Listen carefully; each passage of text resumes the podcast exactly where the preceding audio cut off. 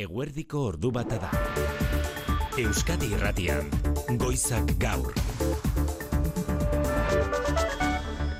Arratsaldean daizuela guztioi, irudikatu Gaza hirian goseak dauden palestinarrak giza laguntza dakarten kamioien aurrean hilara egiten. Irudikatu hilara luzeak eta ahora zer eramango zain daudela Israelgo tiroak. Palestinako osasun ministerioak salatu duenez, Israelgo soldaduek egindako sarraskirik gorrienetakoan odolestatu dituzte eundaka palestinar. Azken orduaren arabera, betire Palestinako osasun ministerioaren oharra da, eunda lau persona hil dituzte eta ia zazpireun zauritu.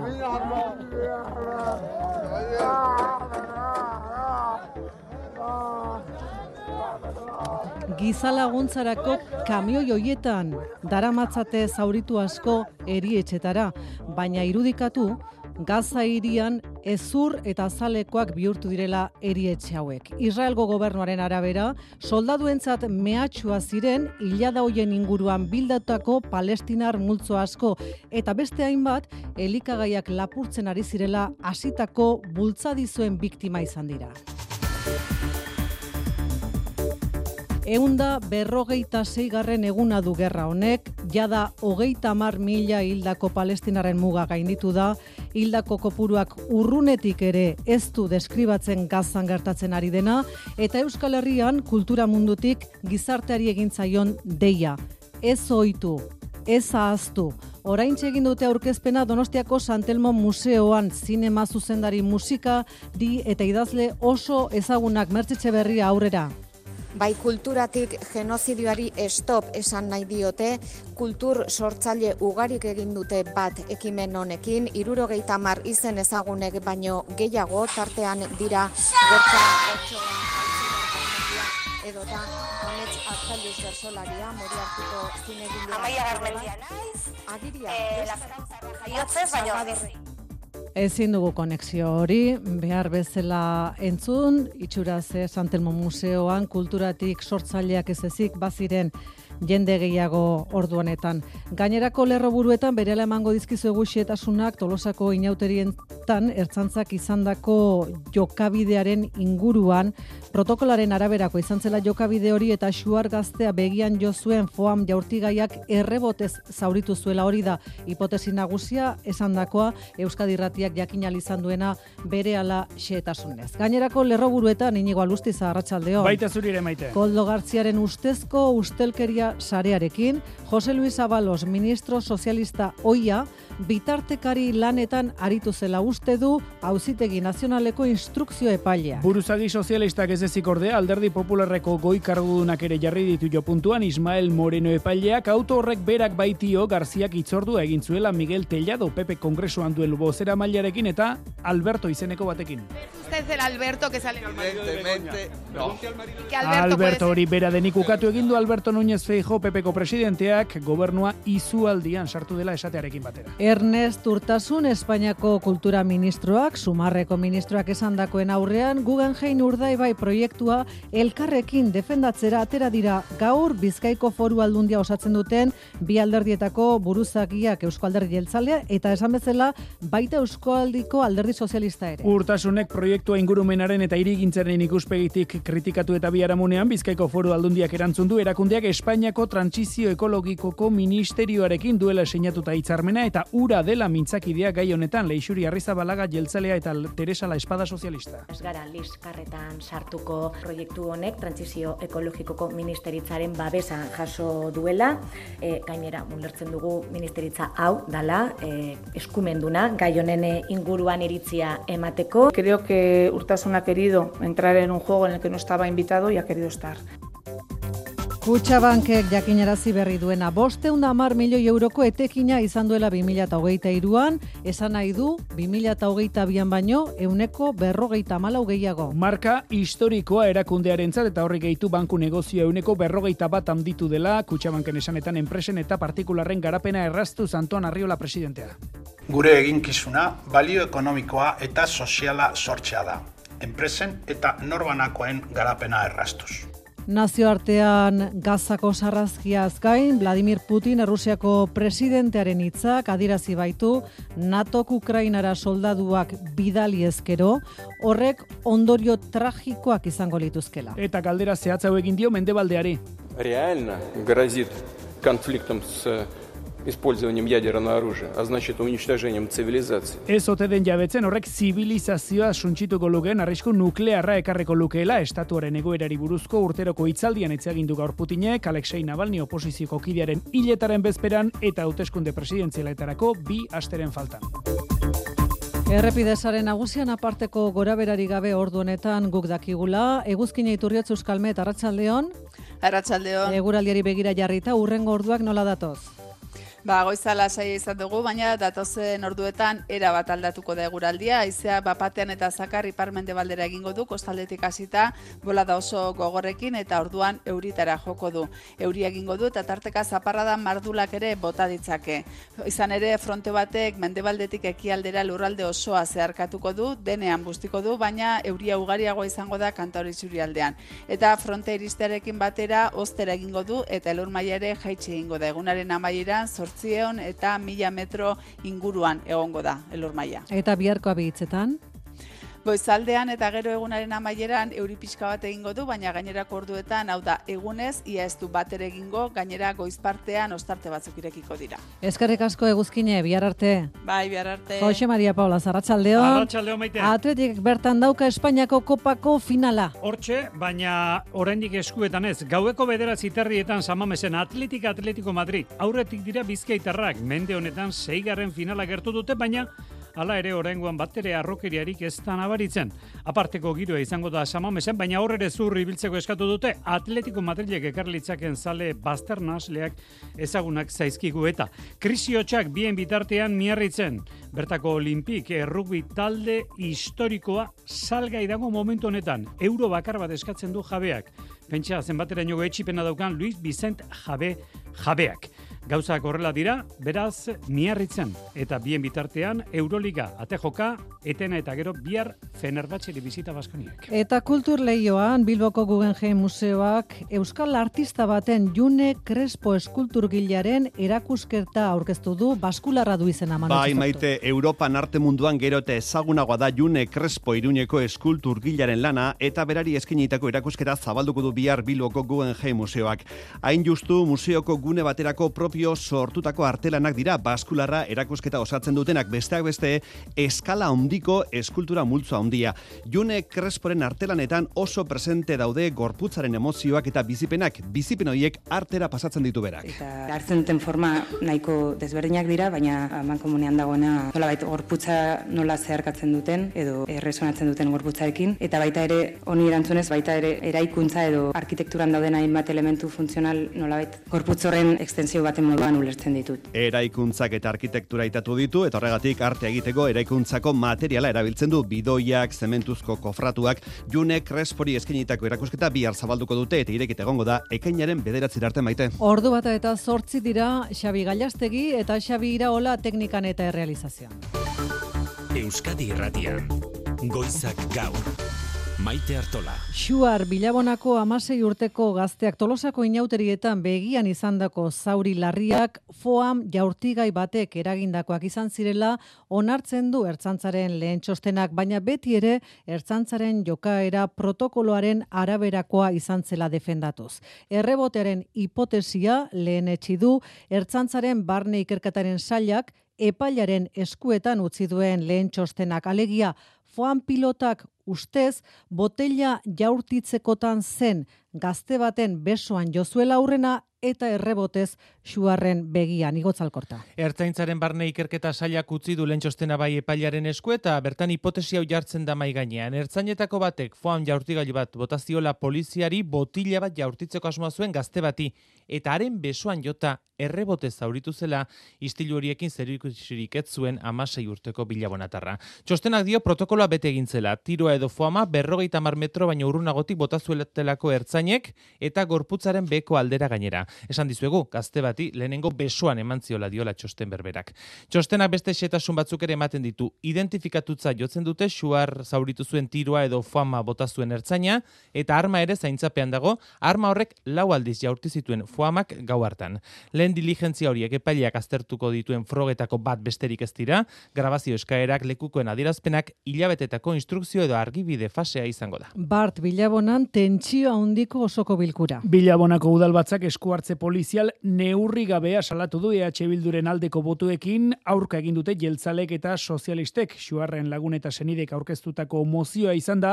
Eta horren aurrean jeltzalek ertzaintzaren ekintza beharrezkoa izan zela defendatu dute Bart egindako bilkura horretan zuarretzen tirokatua izan. Eta beste aldetik, egi ezin da esan, rebotean foamesko jautigain batek zuarri orperian eman zilon ekintza, neurri gabea edo egokia izan zenik, gau hartan gertatukoari buruzko txosten irmorik ez dagoen bitartean. Eta honek aurrez aurreko gordina eragindu gaztearen aitaren eta zinegotzi jeltzalearen artean. Azkera bat egin izan dut, Osa, benetan epari gula, running. Begiratu nere semearen begia esaten zion zinegotzi jeltzaleari xuarren aitak. Tolosako udalaren ardura falta ere seinalatu du Bart Bilabonako zinegotzi jeltzaleak arratsaldeko ordubietan osatuko dugu kronika alde guztiekin. Gainerakoan esan dizuegu Koldo Garziaren ustezko ustelkeria sarearekin Jose Luis Abalos ministro sozialista hoia bitartekari lanetan aritu zela uste duela Espainiako auzitegi nazionaleko instrukzio epaileak autoaren berri izan dugu nerea sarriegi arratsaldeon. Arratsaldeon bai, gaur garrantzi handiko bi berrikuntza azeleratu dira. Lehenengoa hori Ismael Moreno epailearen autoak ondorioztatu duela, abalosek bitertekari lanak egin zituela Balearu hartetako gobernuak musukoen erosketaren arira jarri zuen erreklamazioa geldiarazi alizateko. Balearretako gobernuak iru milioi euro eskatzen zizkion, Koldo Garziarekin harremana duen soluziones y gestión enpresari, Carlos Cueto, sarearen ustezko buruaren enpresari. Ikerketa hasita zegoela, Koldok afaria egin zuen abalosekin, ustez, erreklamazio hori bertan bera gera zedin. No tengo conocimiento. Es más, lo que me consta es que en ningún caso hay ningún tipo de reproche penal. Pesoeren izenean, Maria Jesus Montero presidente ordeak alderdiaren jarrera defendatu du eta gogoratu du momentuz epaileak ez duela abalos inputatu. Azalpenak eskatu dizkio alderdi popularari emendator gaurko bigarren berrikuntza autoan zehazten da, Koldo Garziak kuetori jakinarazi ziola, balearretako erreklamazioa geldiarazteko peperekin ere bilduko zela zehazki Miguel Tellado kongresuko bozera mailearekin eta Alberto delako batekin abizenik gabe. Lo que sí tiene que explicar hoy el Partido Popular es quién es Alberto. ¿Es usted el Alberto que sale? Evidentemente, no. Que Alberto, Alberto hori bera denik ukatu du Alberto Núñez Feijok eta Teiadok ere ukatu du inoiz koldorekin bildu denik. Azalpenak eskatu dizkiote berriz ere Pedro Sánchezi. Diputatuen kongresuan Ernest Urtasun Espainiako kultura ministroak atzo Guggenheim Urdaibai museoaren aurka egindako adirazpenen aurrean gaur Guggenheim Urdaibai proiektu hori elkarrekin defendatzera atera dira Bizkaiko Foru Aldundia osatzen duten bi alderdiak jaltzaleak eta sozialistak. Teresa Rivera transizio ekologikorako ministroarekin akordioa sinatuta dutela eta haren hitza jo dute baliozkotzat. Janire Gerena barrena arratsaldeon. Bai, arratsaldeon Leixuri Arrizabalaga jeltzale eta foru bosera malea kurtasun ministroaren hitzak errespetu sartu arren argi utzi nahi izan du. Aldundiak transizio ekologikorako ministerioarekin duela sinatuta urdaibaiko gugen jenaren inguruko hitzarmena eta ez kultura ministerioarekin bueno, ba, proiektu honek trantzizio ekologikoko ministeritzaren babesa jaso duela, e, gainera, mulertzen dugu ministeritza hau dala, e, eskumenduna, gai honen inguruan iritzia emateko eta babesa adierazteko. E, Teresa La Espada enplegu diputatu sozialista ere oso kritiko Ernest Urtasun ministroaren adierazpenak entzun da. Creo que Urtasun ha buscado un titular y se lo habéis dado, sin más. Eh, creo que Urtasun ha querido entrar en un juego en el que no estaba invitado y ha querido estar. Teresa Rivera trantzizio ekologikorako ministroari dagokio bere hitzetan gaiaren inguruko balorazioak egitea edo zein kasutan Bizkaiko aldundiak proiektua definitzen jarraitzeko borondate irmoa erakutsi du. Beste behin busturialdea bizi berritzeko estrategiaren baitan beste urrats bat eman eta urdaibairentzako erakunde arteko plan estrategikoa egitea ere onartu du gaurko gobernu bileran. Eusko Jaurlaritzak aldundiak eta eskualdeko hogei udalek lankidetzan garatuko dute plana gutxienez bederatzi hilabetetan zehar denen artean hausnarketa egin eta identifikatuko dituzte busturialdeko bizi kalitatea eta lehiakortasun ekonomikoa hobetuko duten proiektuak. Hori bai, oraingoz ez dute argitu museoaren proiektua plan estrategiko horren baitan kokatzen ote dute. Ernest Urtasun ministroak egindako adirazpenen kontra mintzatu da baita ere Imanol Pradales, lehen dakari gai jeltzalea, kutsu, hauteskunde kutsuko adirazpenak iruditu zaizkio. Madrildik egindako adirazpen kezkagarri eta mingarria urtasunena Pradaleseen iritziz Euskal Erakundentzat proiektu garrantzitsua baita Guggenheim Urdaibai Euskal Telebista mintzatu da gaur Pradales. Proiektu importantea dela gure ustez beti adirazi egin dut, ezta? Eta bereziki kontutan izanik e, busturialdeko eskualdeak behar duela bultzada bat eta Guggenheim Urdaibaik eman diezaiokela bultzada hori besteak beste. Ze busturi aldean beste arazo batzuk ere badaude, eta egia da, ba, guen jindela pieza bat horretarako, ez da?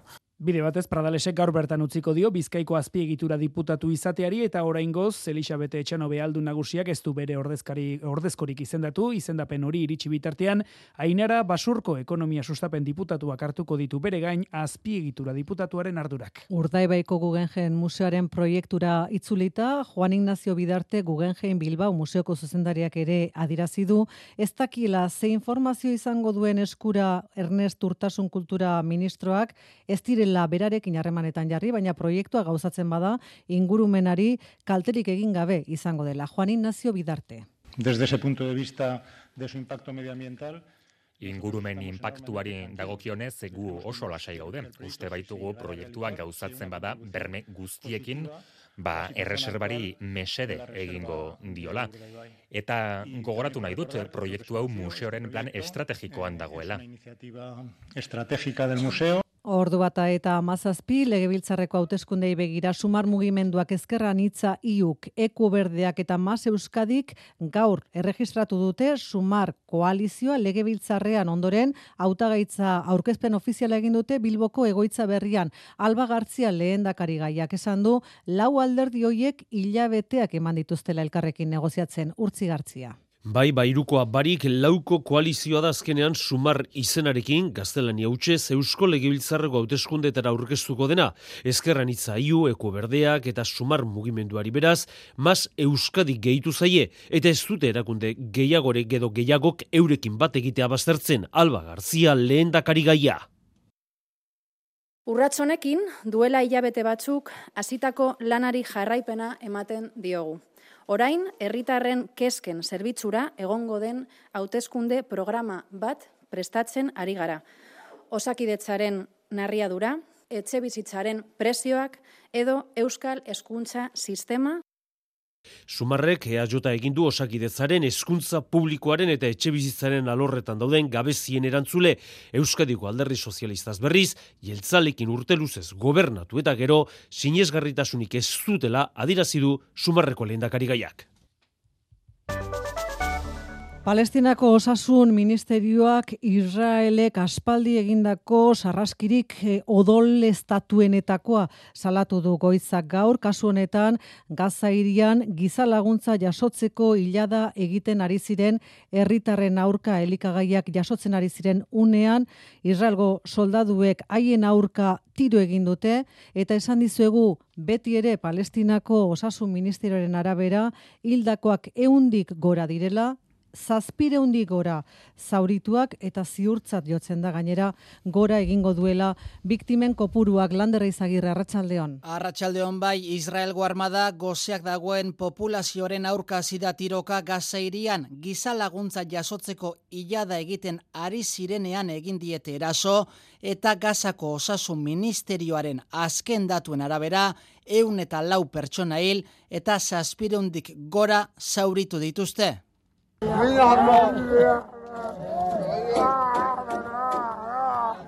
Lekukoen arabera, mila pertsona inguru zeuden gizalaguntza jasotzeko bilduta, Israelgo armadak dio, hauetako batzuk elikagaiak lapurtzen hasi eta tentsio uneak sortu direla, tiro egin dutela onartzen dute, baina mehatxua ikusi dutelako soiek hildako asko iesean elkar zapalduta hil direla iradoki du Israelek, baina bertsio horrek ez du lekukoenekin bat egiten, hauen esanetan soldaduek ez baitute airera edo oinetara egin tiro bete-betean jendea hiltzera baizik. Giza laguntza banatzeko kamioi horiek ambulantzia moduan erabili dituzte, zaurituak ospitaletara eramateko. Gazeiriko ospitalen egoera oso muturrekoa da, apenas dute baliabiderik, jamasen esanetan, historiako gerra krimenik handienetako izan liteke, eta aginte palestinarrak nazioartearen isiltasuna salatu du. Genozidioa stop, ez oitu, ez aztu goiburua hartuta, kultura mundutik gizarteari gaur deia egin diote Donostiako Santelmo Museoan, eguerdian egin dute aurkezpena. Esan dizuegu, zine zuzendari, musikari, idazle oso ezagunak daudela sinatzaileen eta deitzaileen artean. Ea orain konexio horrekin sorte hobea dugun mertzetxe berri arratsaldeon. Arratsaldeon bai, zerbait egiteko beharra sentitu duten kulturarloko irurogeita amar eragiletik gora erakutsi diote babesa ekimenari. Dozena bat gerturatu dira Santelmo Museora eguerdian, tartean Jon Maia dantzaria, Mireia Gamilondo, Gorka Otsoa, Olatz Salvador musikariak jarri dio ahotsa agiriari euskaraz. Ez dugu ohitu nahi gizatasunaren galeraren eta izuaren normalizazioaren aurrean. Ez dugu ohitu nahi estatu arrazista eta kriminal batek egunero ehunka pertsona errugabe hiltzera. Ez dugu ohitu nahi gazan egunero hamar aurrek baino gehiago kanka bat edo biak galtzera. Hamar minutu ez... aur bat hil eta zauritzera. Eta ez dute genozidioaren konplize izan nahi. Genozidio baten aurrean gaudelako apartheid sistematiko baten aurrean. Horregatik eskatzen diegu gure agintari eta politikariei Israelekin dituzten harreman komertzial, militar eta diplomatiko guztiak bertan bera ustea. Palestinari elkartasuna adierazi eta genozidioak gera arazteko manifestazioa deitu dute martxoaren amazazpian Donostiako alderdi ederretik eguerdian abiatuko dena, aizearen horraziraino espaloietan kultur sormen ekitaldiez lagunduta egingo dute bidea. Sinatzaileen artean eh, dira ipatutako izenekin batera, Bernardo Atxagata Arkaitzkano, Amets Arzailu Sandoni Egaina, baita Alex Ubago eta Diego Basailo bezalako musikariak, abar luzean da baita ere Iñaki Gabilondo idazleta kazetaria.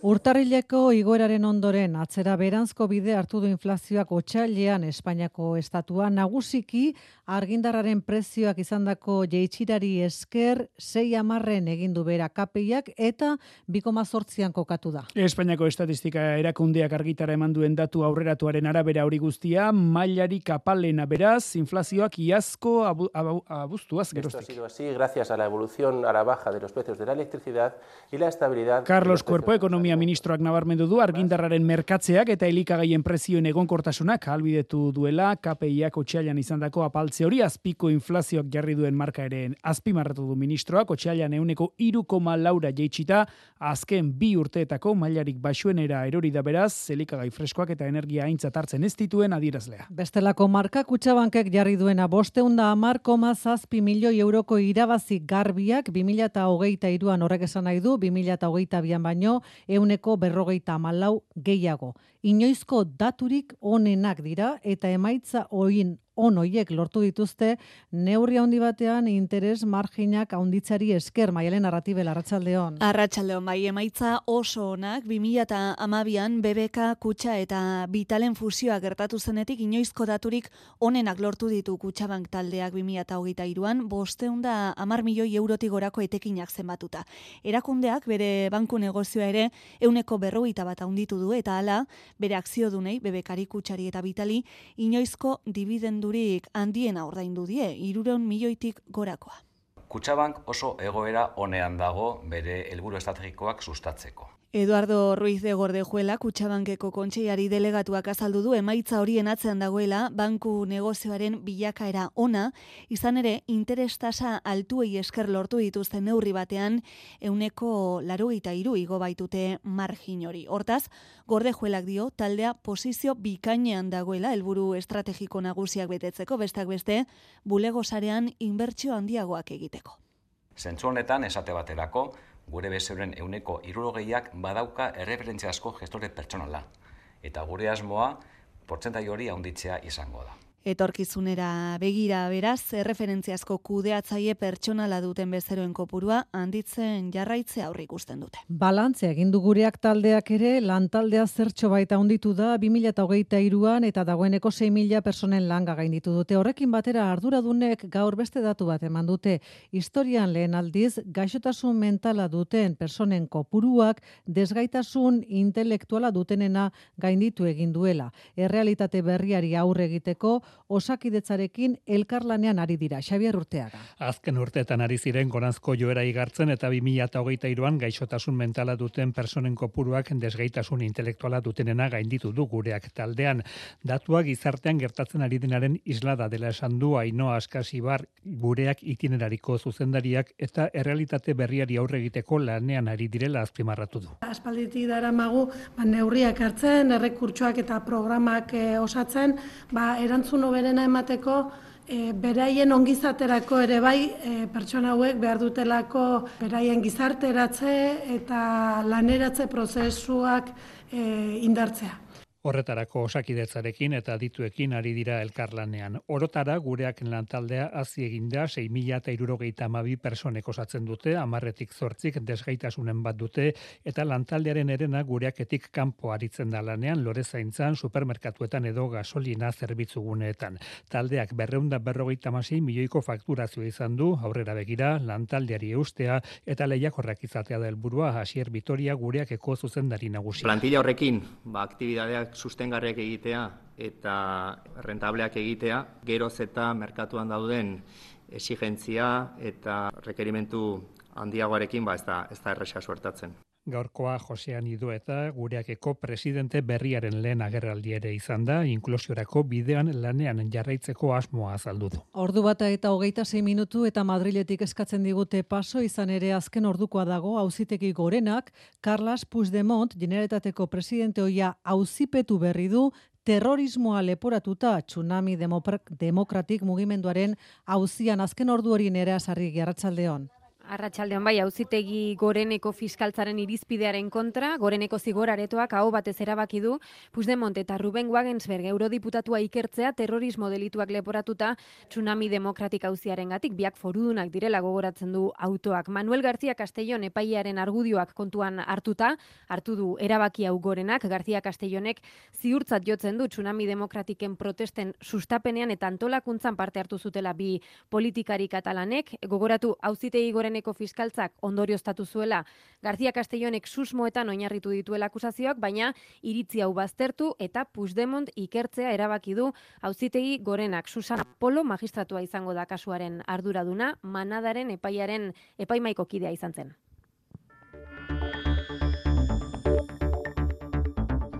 Jo dezagun orain Iruñera, nekazariek atzera Iruña erdira eraman dituzte protestak, berreunen bat traktorek eragozpenak sortu dituzte hiriburuko sarreretan. FSI plataformak WhatsApp bidez antolatutako mobilizazioa Iruñeko Merinaldeen plazan. Eli Eraso Arratsaldeon. Arratsaldeon bai, ba, maite ba, eun bat traktore geldirik daude une honetan, irineko merinda den plaza honetatik, donibane auzoraino bozinak isilik oraintxe udaltzainek moztu dute irigunerako sarrera, Nafarroa berako etorbidea.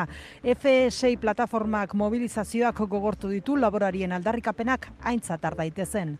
Kalean jarraitzen dugu, ezer ez dugulako lortu. Ikusi arte benetan gure alde daudela ba, politikariek eta ba, jarraituko dugu. No colapsamos, pero estamos con la escopeta cargada. Beste un bat traktore berriz bueltaka dabiltza Iruñeko saiesbidean, industrigunetan, merkatalgunetan, negataritza departamentua une honetan sindikatuekin egiten ari den bileran parte hartu nahi dutela diote gustatuko litzaiguke negoziazioetan parte hartzea. Zen e, bai, lehen bi asteak usti ziguten mesa de trabajo horretan sartzen, baina orain bakarrik gelditu dira hor sindikatuek Foru gobernutik esan digute, bilera teknikoa egiten ari direla, UAGN, eta UKAN sindikatuekin, gogoratu duela hiru aste FSI plataformak izendatutako hiru ordezkariek onartu zuten, aurrerantzean sindikatuen esku ustea negoziazioak. Eskerrik asko Eli eta azken egunetako euri jasen onderen esan beharko da normaltasuna nagusi dela Nafarroko herribera. Ba bai, Ebroren emaria nabarmen jeitsi da eta aparteko kalterik eragin gabe, batez ere nekazaritza lurretan eta laborantza eremuetan izan du eragina, aldiz zeragin edo ondorio garrantzitsurik ez herriguneetan kaltetutako errepidei dagokienez normaltasunera itzultzeko lanean ari dira agintariak. Ba honela iritsi gara arratsaldeko ordu bata terdietara.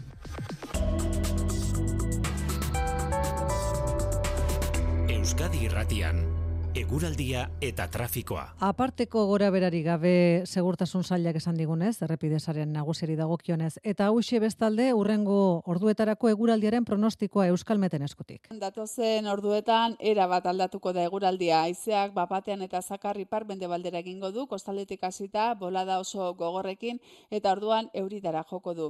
Euri egingo du eta tarteka zaparrada mardulak botako ditu. Fronte batek mendebaldetik ekialdera lurralde osoa zeharkatuko du, denean egunean bustiko du, baina euria ugariagoa izango da kanta hori zurialdean. Eta frontea iristarekin batera oztera egingo du eta elur maia jaitxe egingo da. Egunaren amaieran sortzieun eta mila metro artean egongo da. Ostiralean, goizaldean eta gero egunaren amaieran euripiska bat egingo du, baina gainerako orduetan, hau da egunez, ia ez du bat ere egingo. Gainera goizean ostarte batzuk irekiko dira.